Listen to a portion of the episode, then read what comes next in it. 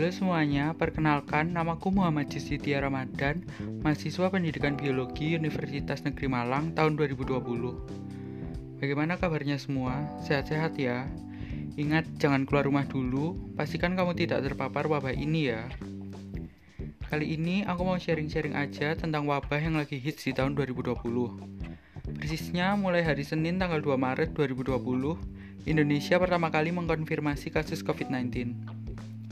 Saat itu, apa sih yang ada di pikiran kalian tentang virus ini? Apa ini cuma sekedar hoax saja atau bagaimana? Kalau menurutku, ini bukan hoax lagi ya teman-teman. Soalnya sudah beberapa banyak juta nyawa yang hilang akibat virus ini. Sudah berapa banyak negara yang terinfeksi wabah ini. Meskipun hoax, sekalipun apa salahnya kita turuti protokol kesehatan yang ada?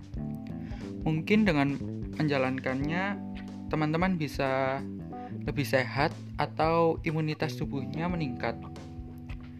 Diambil dari Wikipedia pada tanggal 18 Oktober 2020, laporan COVID-19 hari ini sudah mencapai 362.000 kasus, 12.511 orang yang meninggal dunia, dan 285.000 orang yang sembuh. Menurutku untuk angka kasus ini sudah memasuki angka yang begitu besar ya teman-teman. Meskipun diikuti oleh angka orang yang sembuh juga sangat banyak.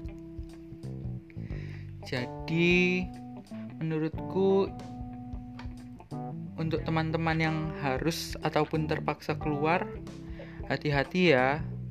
Taati selalu protokol kesehatan karena kita semua tidak tahu mana orang yang terkena virus dan yang tidak. Bisa jadi orang-orang yang kalian temui itu OTG atau orang tanpa gejala. Ciri-ciri orang yang terinfeksi virus COVID-19 ini juga berubah-ubah. Tidak ada yang tahu mana yang pasti.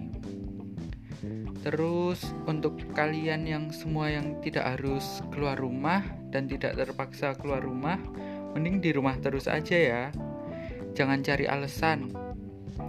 Misalnya kayak Kan sudah sebulan gak keluar. Kan aku pakai masker. Kan aku menaat, menaati protokol kesehatan. Percaya aja ya teman-teman, mereka yang terpaksa keluar juga aslinya tidak mau keluar kok. Mereka juga mau bisa bekerja dari rumah. Tapi kenapa sih ini malah yang harusnya di rumah aja kok pengen keluar? Benar sih kalian pakai masker, benar kalian menaati, tapi menurutku virus itu tetap ada.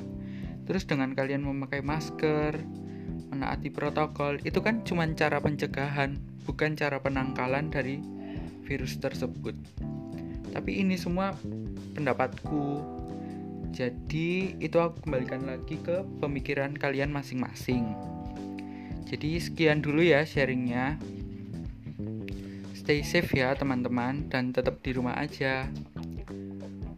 Aku undur diri dulu ya. Dah. Wassalamualaikum warahmatullahi wabarakatuh.